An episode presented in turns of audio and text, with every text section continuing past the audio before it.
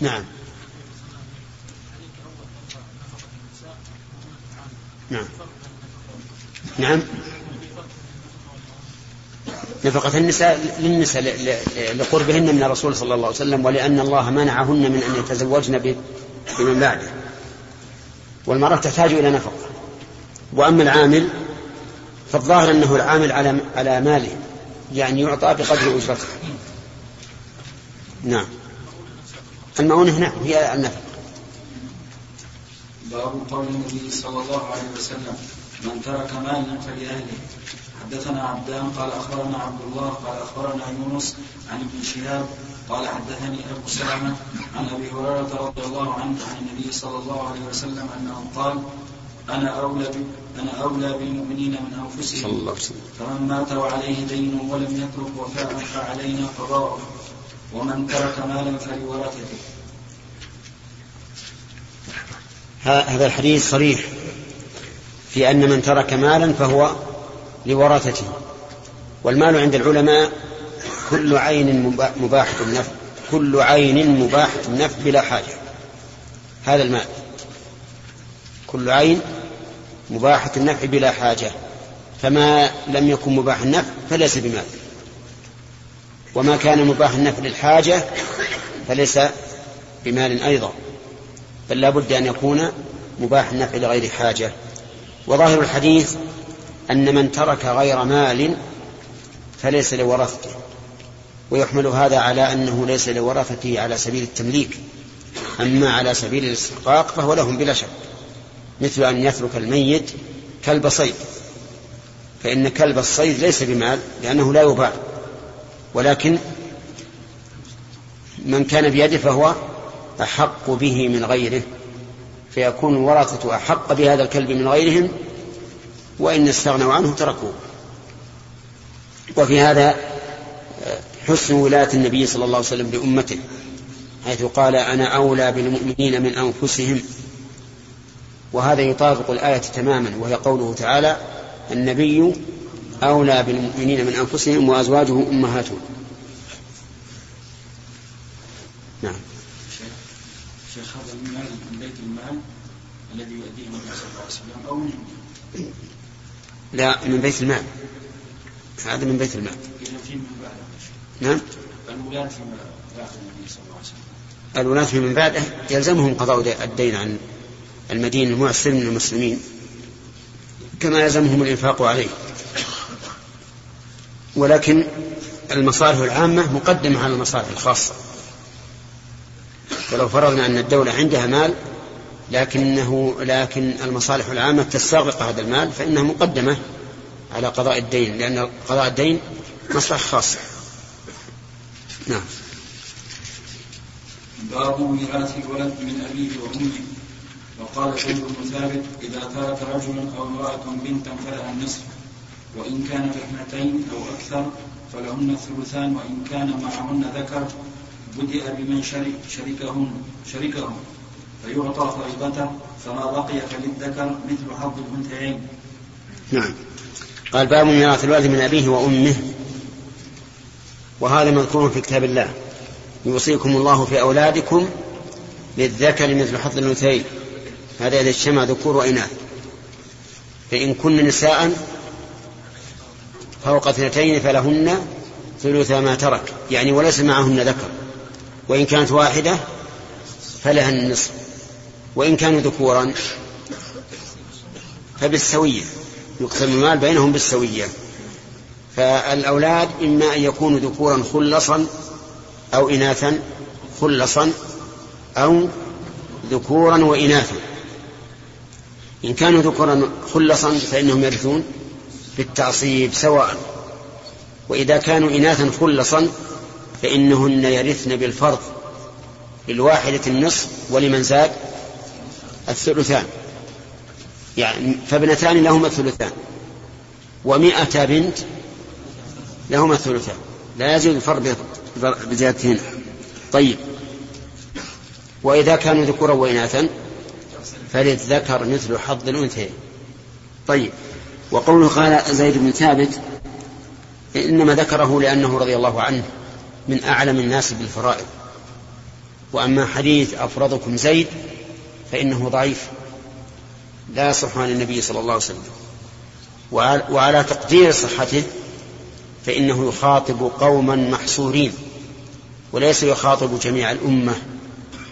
وعلى تقدير أنه يخاطب جميع الأمة فلا يعني هذا أن زيدا معصوم من الخطأ وإن كان أفرض الأمة لأنه لا معصوم من الخطأ إلا الله. وإنما قلت ذلك نعم إلا الله هو نعم إلا الرسول عليه الصلاة والسلام. وإنما قلت ذلك لأن بعض العلماء قال إنما قاله زيد في الفرائض فإنه يجب المصير إليه. لأن النبي صلى الله عليه وسلم قال أفرضكم زيد. فالجواب على هذا على هذا القول من وجوه ثلاثة. أولا ضعف الحديث وهذا مهم. يعني يعني أن صحة النقل المثبت للحكم أو أو النافي له هذه مهمة جدا. الثاني على تقرير صحته فهو يخاطب قوما خاص. الثالث على تقدير عمومه صحته وعمومه فإنه لا يستلزم أن يكون زيد معصوما وإن كان أفراد الأمة لأنه لا معصوم إلا رسول الله صلى الله عليه وسلم. وبناء على هذا نقول إن مذهب زيد رضي الله عنه في ميراث الجد والإخوة ليس ملزم لنا وهو ضعيف كما سيأتي إن شاء الله.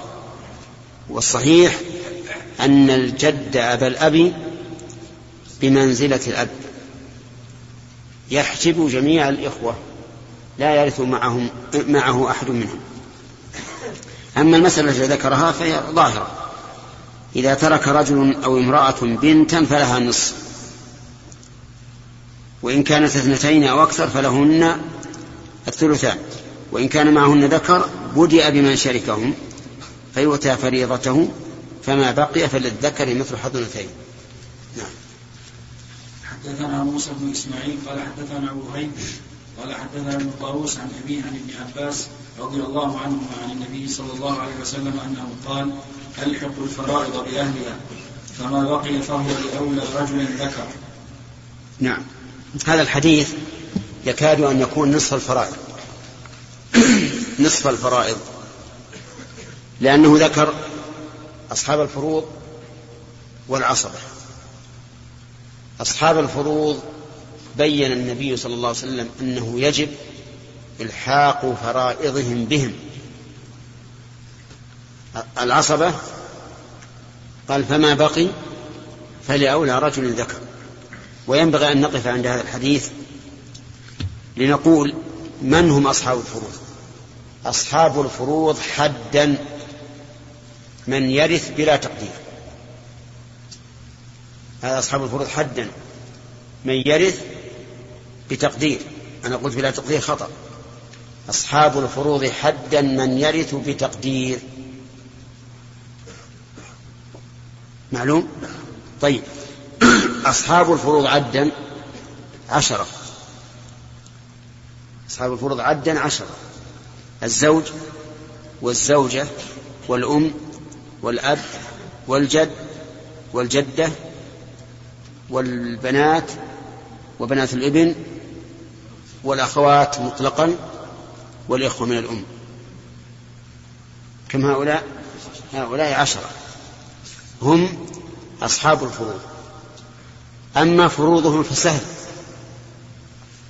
الزوج والزوجة إن كان للميت منهما أولاد فله نصيب و وإن كان له أولاد فله نصيب. الزوج. إذا ماتت الزوجة عن زوجها فإن كان لها ولد ذكر أو أنثى فللزوج الربع. وإن لم يكن لها ولد فله النصف.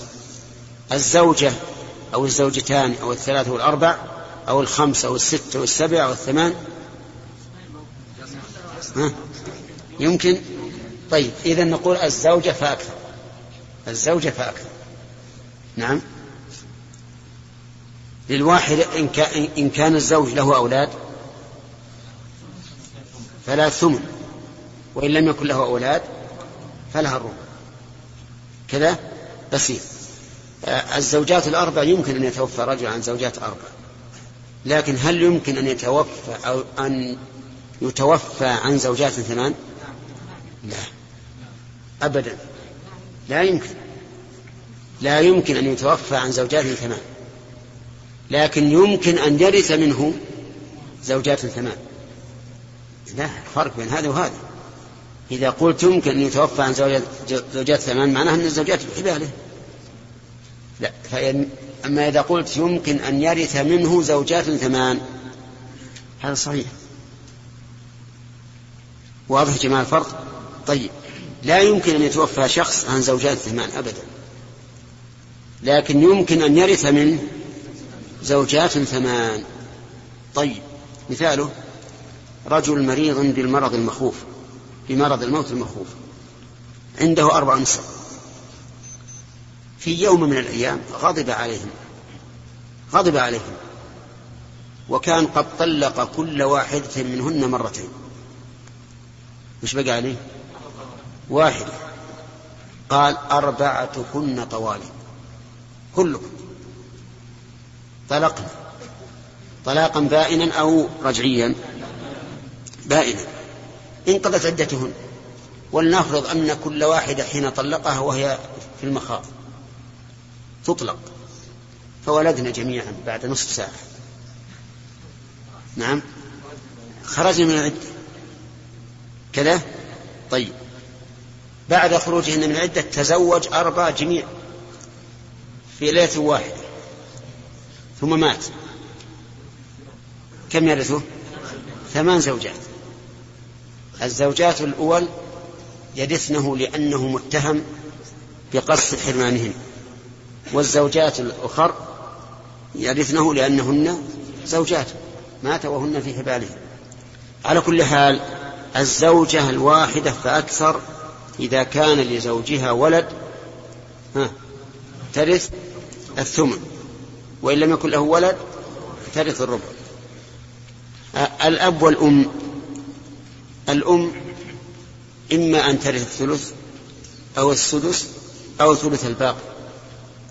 ما لا ليس لها سوى ذلك. إما أن ترث الثلث إيش بعد؟ أو السدس أو ثلث الباقي. ترث ثلث الباقي في إحدى العمريتين. أو قل في العمريتين ما, ما في معنى. ترث ثلث الباقي في العمريتين. وهما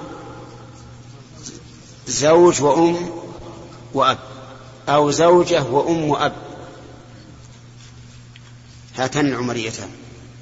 نسب وسميت العمريتين نسبة إلى أمير المؤمنين عمر رضي الله عنه. لأنه أول من قضى بهما. وكيف نوزع الميراث؟ نقول فيما إذا كانت المسألة زوج وأم وأب. المسألة من ستة. يعني أقسم المال ستة أسهم للزوج النصف ثلاثة. وللأم ثلث الباقي واحد. وللأب الباقي اثنان. تمام؟ طيب.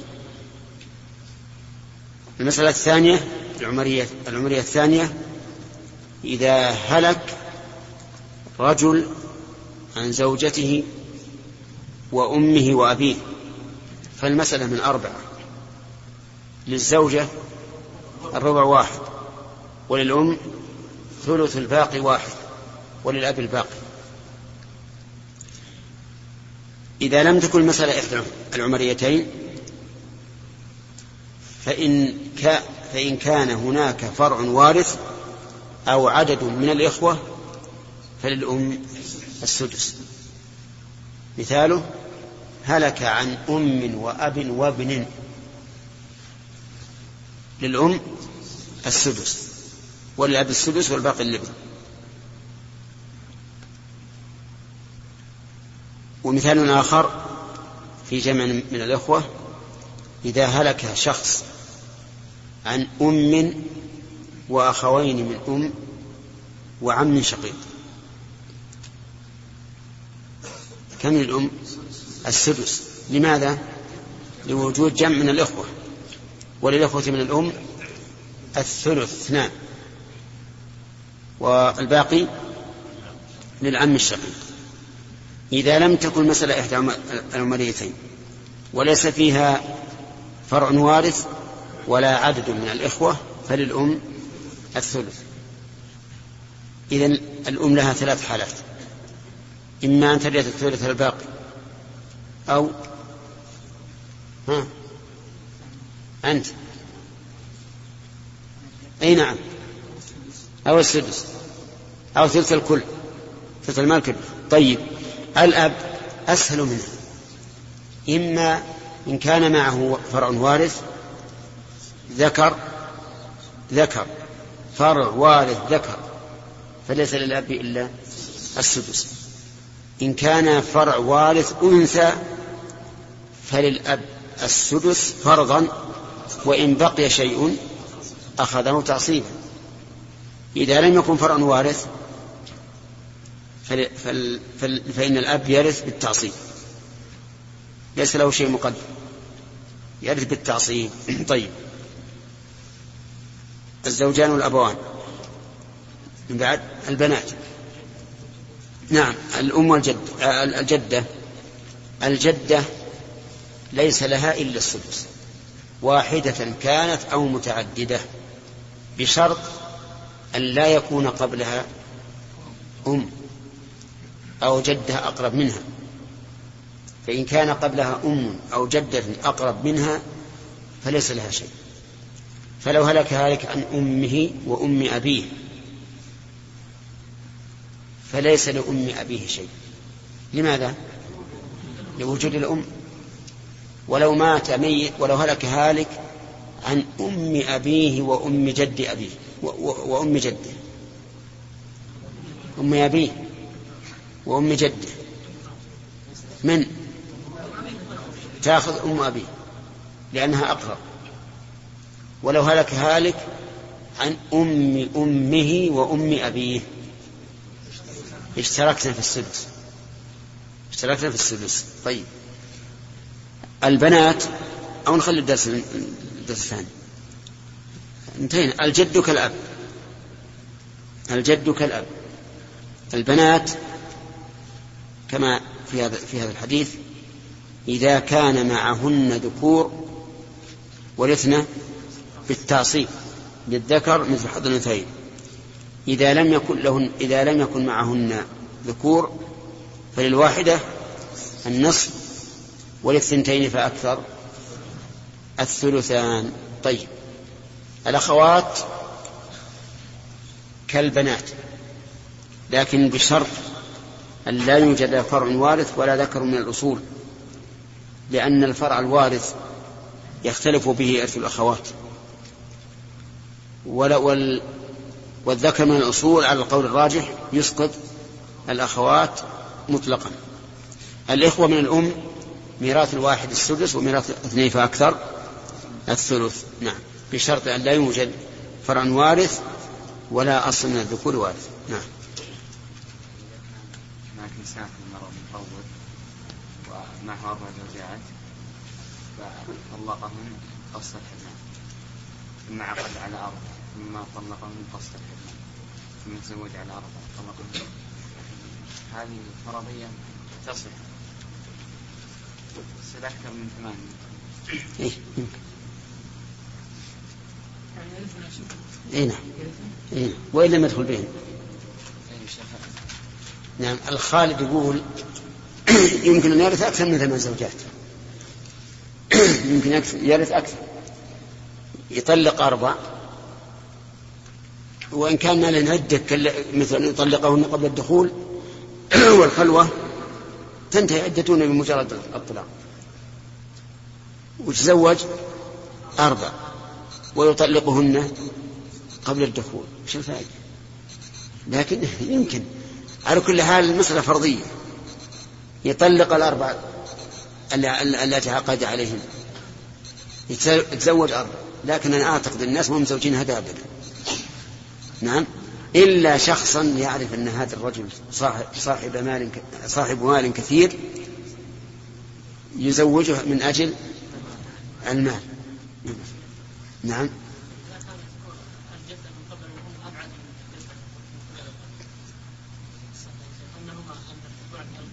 كل منهما جدة. أليس كذلك؟ فالقربة هي التي ترث والبعد لا ترث ولو كان من جهة أو الأب. نعم. نعم. الأخوات الأم؟ لا. الأخوات الأم يرثن مثل الأخوة من الأم. يعني للثنتين فأكثر الثلث وللواحدة السدس. نعم. ثلاثة؟ باب ميراث البنات. طيب بقي, بقي أن يقال فلأولى رجل ذكر. كلمة أولى هل المراد بالأولوية من هو أشد حاجة؟ كما تقول الفقير أولى بالإحسان من الغني. أو المراد بالأولوية القرابة. الثاني. المراد الثاني ولهذا لو كان المستحق للتعصيب غنيا جدا ومن دونه ليس فقير فإنه يعطى الأول ولو كان غنيا. طيب وهنا يقول لأولى رجل ذكر. هل الرجل إلا ذكر؟ أقول نعم. ما الرجل ذكر لا شك. إذا لماذا لم يقل فلأولى ذكر؟ نقول لأن قوله رجل فيه إشارة إلى أن الرجال مخصوصون بالتعصيب. لرجولتهم. ومعروف أن الرجال هم القوامون على النساء. فكأن الأول يعني كلمة رجل كأنها تعليل للحكم. أما كلمة ذكر فإذا قال قائل. إذا لماذا لم يقتصر على رجل؟ فلأولى رجل. يقول لأنه لو اقتصر على رجل لظن من يسمع الخطاب أنه لا تعصيب لغير البالغ. لأن غير البالغ لا يسمى رجل. نعم.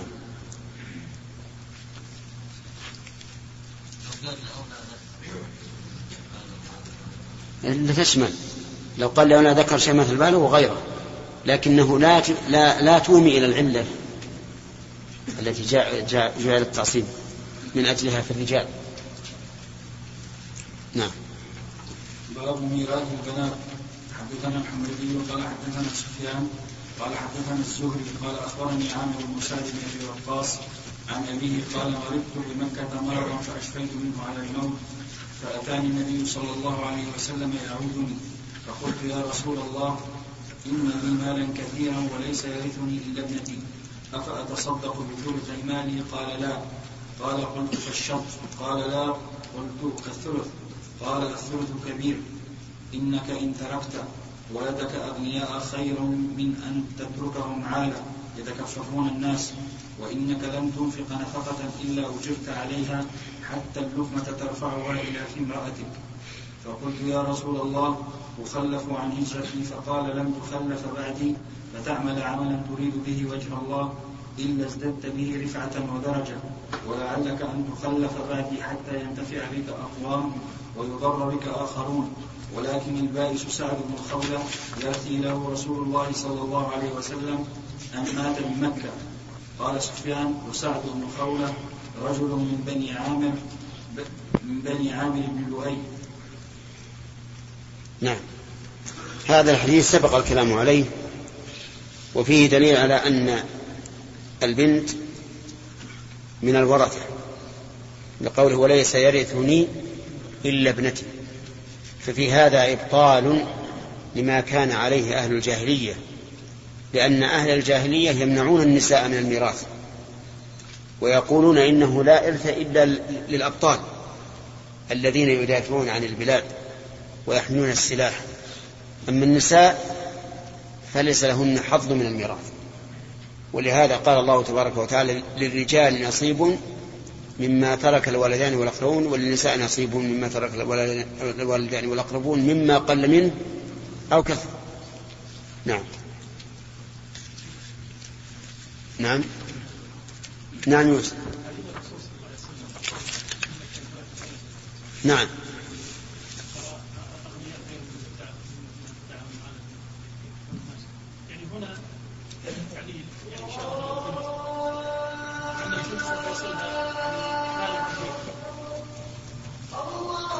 عام الولد يشمل الذكر والأنثى. أي لا قول ولدك أراد به الجنس الشامل للذكر والأنثى والواحد والمتعدد. بسم الله الرحمن الرحيم. قال البخاري رحمه الله تعالى حدثنا محمود بن غيلان قال حدثنا أبو النضر قال حدثنا أبو معاوية شيبان عن أشعث عن الأسود بن يزيد قال في في أي باب هذا؟ باب ميراث البنات. نعم. كيف؟ محمود؟ حدثنا محمود؟ نعم. قال أتانا معاذ بن جبل باليمن معلما وأميرا فسألناه عن رجل توفي وترك ابنته وأخته فأعطى الابنة النصف والأخت النصف. أعطى الابنة النصف فرضا والأخت النصف تعصيبا. وفي هذا دليل على أنه لا بأس أن يعبر الإنسان عن التعصيب بالفرض. فيقول مثلا للأم الثلث وللأب الثلثان. لا سيما إذا كنت تعبر أمام عامي. أما إذا كنت تعبر في مجلس العلم فالذي ينبغي أن تقول والباقي. في باب التعصيب لقول النبي صلى الله عليه وسلم ألحقوا الفرائض بأهلها فما بقي فلأولى رجل ذكر. نعم. طيب لو كان لو كان بدل الأخت عمة. فالمال كله للبنت لأن العم من ذوي الأرحام. نعم. فرضا ورد فرضا ورد. نعم. باب ميراث ابن الإبن إذا لم يكن ابن. وقال زيد ولد الأبناء بمنزلة الولد إذا لم يكن دونهم ولد ولد ذكر. ذكرهم كذكرهم وأنثاهم كأنثاهم. يرثون كما يرثون ويحجبون, ويحجبون كما يحجبون. ولا يرث ولد الإبن مع الإبن ولا يرث ولد الإبن مع الإبن. نعم. قال زيد بن ثابت رضي الله عنه ولد الأبناء بمنزلة الولد. يعني بمنزلة الأبناء. ولد الأبناء بمنزلة الأبناء. وولد البنات ليس لهم شيء لأن ولد البنات من ذوي الأرحام نعم. ويقول إذا لم يكن دونهم ولد فإن كان دونهم ولد يعني فوقهم فإن كان ذكرا لم يرثوا شيئا. وإن كان أنثى أخذت فرضها والباقي لأبناء الابن وبنات الابن تعصيبا.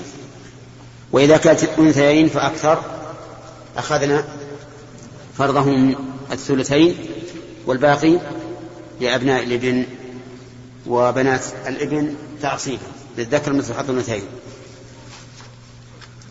وقوله ذكرهم كذكرهم وأنثاهم كأنثاهم يعني مع التساوي. فإذا مات عن ابن وبنت فللابن مثل حظ حظ الأنثيين وكذلك إذا مات عن ابن ابن وبنت ابن فللابن مثل حظ الأنثيين قال ولا يرث ولد الابن مع الابن. لماذا؟ لأن كل ذكر من الفروع يحجب من تحته هذه القاعدة.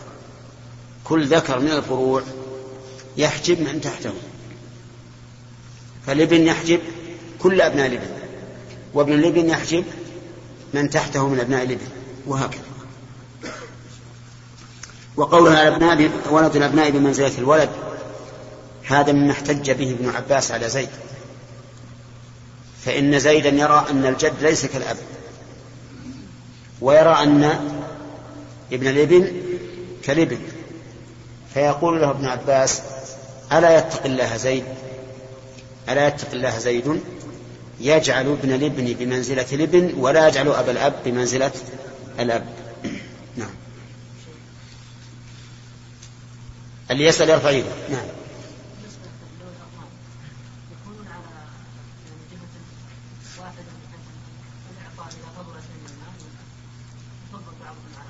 يأتي إن شاء الله ذكرهم يمكن يذكر المؤلف يتكلم عليه. نعم. حدثنا مسلم بن إبراهيم قال حدثنا وهيب قال حدثنا ابن طاووس عن أبيه عن ابن عباس قال قال رسول الله صلى الله عليه وسلم ألحقوا الفرائض بأهلها فما بقي فهو لأولى رجل ذكر.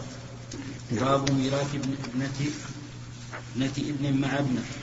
حدثنا آدم قال حدثنا شعبة قال حدثنا أبو قيس قال سمعته زيد بن شرحبيل قال سئل أبو موسى عن ابنة وابن عن ابنة وابنة ابن وأخت فقال للابنة النصف وللأخت النصف وأت ابن مسعود فسيتابعني. فسئل ابن مسعود وأخبر بقول أبي موسى فقال لقد ضللت إذا وما أنا من المهتدين أقضي فيها بما قضى النبي صلى الله عليه وسلم للابنة النصف ولابنة الابن السدس. تكملة الثلثين وما بقي فللأخت. فأتينا أبا موسى فأخبرناه بقول ابن مسعود فقال لا تسألوني ما دام هذا الحبر فيكم. الله أكبر. هذه المسألة هلك هالك عن بنت وبنت ابن وأخت. يعني أخت شقيقة أو لأب؟ ليست أخت لأم لأن الأخت للأم لا ترث مع البنات. يقول سئل عنها أبو موسى الأشعري وهو من فقهاء الصحابة رضي الله عنهم. ومع ذلك أخطأ لأن الإنسان ليس بمعصوم. فقال للبنت النصف وللأخت ونعم فقال فقال للابنة النصف وللأخت النصف. وأسقط بنت الابن. وأت ابن مسعود فسيتابعني على ذلك. ائت ابن مسعود كأنه رضي الله عنه أراد أن نقوي ما أفتى به ولهذا قال فسيتابعني على ذلك. يقول فذهب فسئل ابن مسعود وأخبر بقول أبي موسى فقال لقد ضللت إذا وما أنا من المهتدين.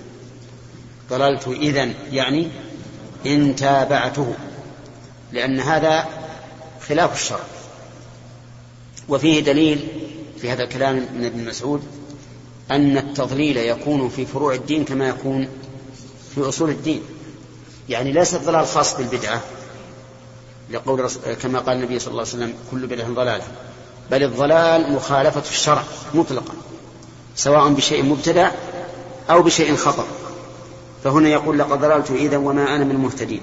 أقضي فيها بما قضى النبي صلى الله عليه وسلم للابنة النصف لقوله تعالى وإن كانت واحدة فلها النصف. ولابنة الابن السدس تكملة الثلثين. لقوله تعالى وإن كن نساء فوق فإن كن نساء فوق اثنتين فلهن ثلث ما ترك. ولهذا لا بد أن نقول تكملة الثلثين. إذا إذا هلك هالك عن بنت وبنت ابن فللبنت النصف ولبنت الابن السدس تكملة الثلثين. لا بد أن تقول تكملة الثلثين. لأنه سوف يقال لك إذا قلت السدس سيقال لك أين الدليل؟ فليس عندنا دليل إلا أن ذلك تكملة أن ذلك تكملة الثلثين. هذا الدليل.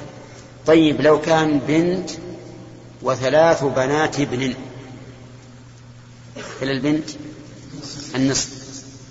ها. وللثلاث من بنات الابن السدس. تكملة الثلثين. إذن الواحدة وما زاد سواء. وهنا نقف لنتبين من هم الذين يستوي الواحد منهم والجماعة من أصحاب الفروض. هذه بنات الإبن مع البنت الواحدة. الأخوات لأب مع الأخت الشقيقة الواحدة. الزوجات الجدات.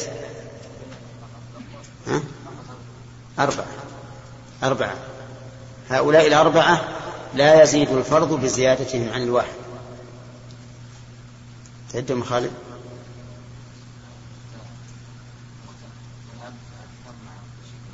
نعم. مع إيش؟ نعم.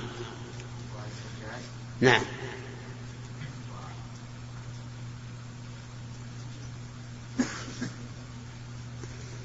من أمك وأمها؟ الجدات. طيب عدهم يا مازن الجدات. والزوجات. وبنات الابن مع البنت الواحدة. والأخت الأب الأخوات الأب مع الأخت الشقيقة الواحدة. الزوجة مثلا لها الربع والزوجتان الربع والثلاث الربع والأربع الربع. نعم. أه؟ كيف؟ لا لا هذا خلاف الأصل. يعني صار واحد له أبوان لا هذا خلاف الأصل. هذا صحيح يمكن يكون عشرة. نعم فهد. لا. الإخوة للأم للواحد السدس ولمن زاد الثلث. لا بس الكلام إنه زاد الفرض بزيادة مع الواحد هذا الذي قلنا لا يزيد الفرض بزيادة مع الواحد أربعة اضبطوه. يقول وما بقي فللأخت. يقول فأتينا أبا موسى فأخبرناه بقبل المنصور فقال لا تسألوني ما دام هذا الحبر فيكم وهذا من من الواجب على الإنسان إذا كان فيه في البلد من هو أعلم منه فإن من الأدب من, من الواجب الأدبي أن لا أن يقول للناس اسألوا فلانا إذا كان فيه أعلم منه. لأنه يستفيد من هذا التواضع ويستفيد السلامة من الخطأ لو أخطأ في فتياه ويعرف الفضل من أهله فإذا سئل الإنسان عن مسألة وفي البلد من هو أعلم منه فالأولى أن يحيلها عليه. طيب. وفي هذا شهادة لابن مسعود بأنه حبر ويقال حبر كسر الحاء. والحبر والحبر كالبحر. يعني واسع العلم. واسع العلم. نعم. شيخ إذا كان الأعلم أعلم بالفقه ولكنه مبتدع. مبتدع؟ هذا لا ينبغي أن يسأل أصلا. لأن سؤال أهل البدع يؤدي إلى اغترار الناس بهم والرفع من شأنهم فيكون خطرهم عظيما. هنا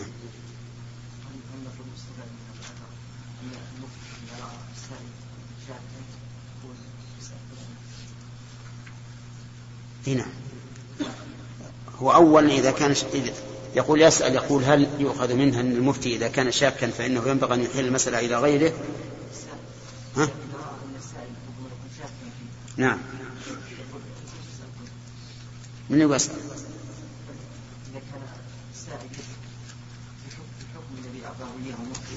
يقول فاسأل لا بأس ما في معنى لكن ما يؤخذ من هذا الحديث. نعم. لأن قول فأتي بن مسعود يحتمل إن أنه رأى أن السائل شاك شاك في هذا أو متشكك ويحتمل أنه هو بنفسه. يعني لم لم يتأكد من هذا. في احتمال. أخذنا ثلاثة. اثنين. جمال. لم يش؟ اي لكن الحكم يدل على أنها الشقيق. لا بد عارف لا عارف. أليس الله قد قال وله أخت فلها نصف ما ترك؟ قال أخت ولم يقيد بأم ولا بأب ولا بشقيقة لكن يعرف أنها شقيقة أو لأب أو لأم. من من الحكم؟ نعم. يجوز أن سأله وأخبره. يجوز أن عارف القضية من قبل. نعم. لكن نحن نعرف أنها غير ليست لأم نعرف. من الحكم؟ نعم.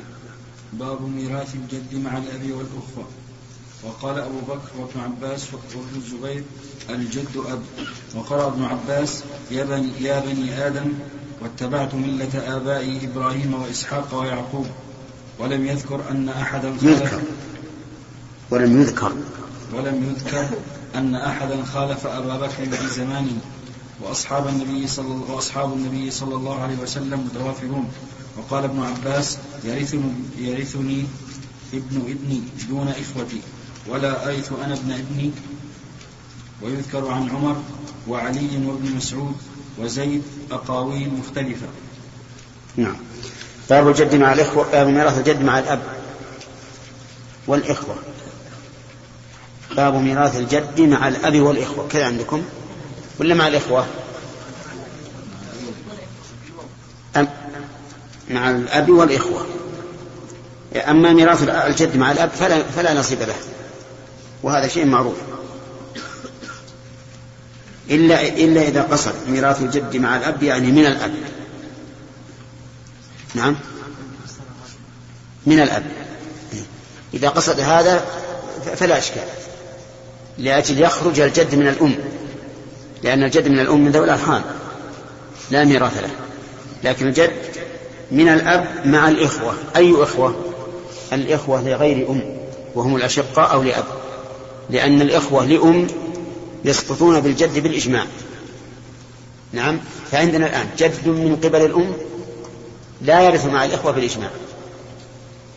وإخوة من الأم لا يرثون مع الجد بالإجماع. النزاع الطويل العريض الإخوة الأشقة أو لأب مع الجد. لأب. يعني أبو أبيك أبو أبيك مع إخوتك. لو مات إنسان عن أبي أبيه وإخوته فكيف كيف نصنع بالميراث؟ استمع إلى كلام البخاري رحمه الله يقول وقال أبو بكر وابن عباس وابن الزبير الجد أب. الجد أب. فإذا كان الجد أبا سقط الإخوة به لأن الإخوة يسقطون بالأب. فإذا هلك هالك عن أبيه عن جده من قبل أبيه وعن إخوته الأشقاء. الأب ما هو غير موجود ميت من قبل. فالميراث للجد. كما لو مات عن أبيه وإخوته الأشقاء فالميراث للأب. يقول وقرأ ابن عباس مستدلا بقوله يا بني آدم. فجعل الله تعالى الناس بنين لآدم وبينهم وبينه. ها؟ أجيال طويلة. وقال واتبعت ملة آباء إبراهيم. وهو جده إبراهيم جده. فسماه أبا. إبراهيم وإسحاق ويعقوب. وقال تعالى ملة أبيكم إبراهيم. ملة أبيكم وهذا لو يعني ابن عباس رضي الله عنه لازم يسوق كل الأدلة لكن هذا من أصرح ما يكون. ملة أبيكم هذا اللي قال أبيكم الله عز وجل. ولم يقله إسحاق أو يعقوب. نعم. اللي قال ثلاثة ملة آباء إبراهيم وإسحاق ويعقوب يوسف. أقول لم يقله يوسف بل قاله الله. ملة أبيكم إبراهيم. فسمى الله إبراهيم أبا مع أنه بعيد عنه بينه وبينه أجيال.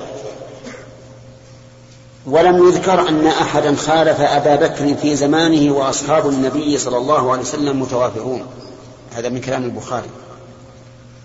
وكأنه يريد رحمه الله أن يجعل هذا إجماعا من الصحابة. على أن الجد أب وقال ابن عباس يرث ابن ابني يرثني ابن ابني دون إخوتي. صح. يعني لو هلك هالك عن ابن ابن وعن إخوة لمن الميراث؟ لابن الابن. ولا أرث أنا ابن ابني يعني مع, مع, إخوتي. ما هو مع إخوتي مع أبناء ابني. اللي يقول من من هو؟ يقول ابن عباس يحكي الجد. يعني يقول ولا أرث أنا الجد. ابن ابني مع مع إخوتي مع أولاد ابني. مع أولاد ابنه يعني لو هلك هالك عن إخوته إخوته أولاد ابن الجد. أليس كذلك؟ طيب. يقول كيف يكون هذا؟ القياس أنه كما أن ابن الابن يسقط الإخوة أن يكون أبو الأب يسقط الإخوة أيضا. هذا دليل. هناك دليل واضح جدا جدا أوضح من, من هذا وهو أن هذه التفصيلات التي جاءت في ميراث الجد والإخوة ما الدليل عليه ما هو الدليل على أن الجد يرث الأحظ من الثلث أو المقاسمة إذا لم يكن معهم صاحب فرض ويرث الأحظ من من سدس المال أو ثلث الباقي أو المقاسمة إذا كان معهم صاحب فرض أين هذه الفروض في كتاب الله؟ أين هي في سنة الرسول عليه الصلاة والسلام؟ لم يهمل الله عز وجل فرضا واحدا من الفروض إلا ذكر. حتى الزوجات والأزواج إذا اختلفت فروضهم ذكر. الأم لما اختلف فرضها ذكر. الأخوات. كيف يذكر الله هذه الفروض ويبينها لعباده ولا يذكر هذه الفروض الدقيقة بالنسبة لما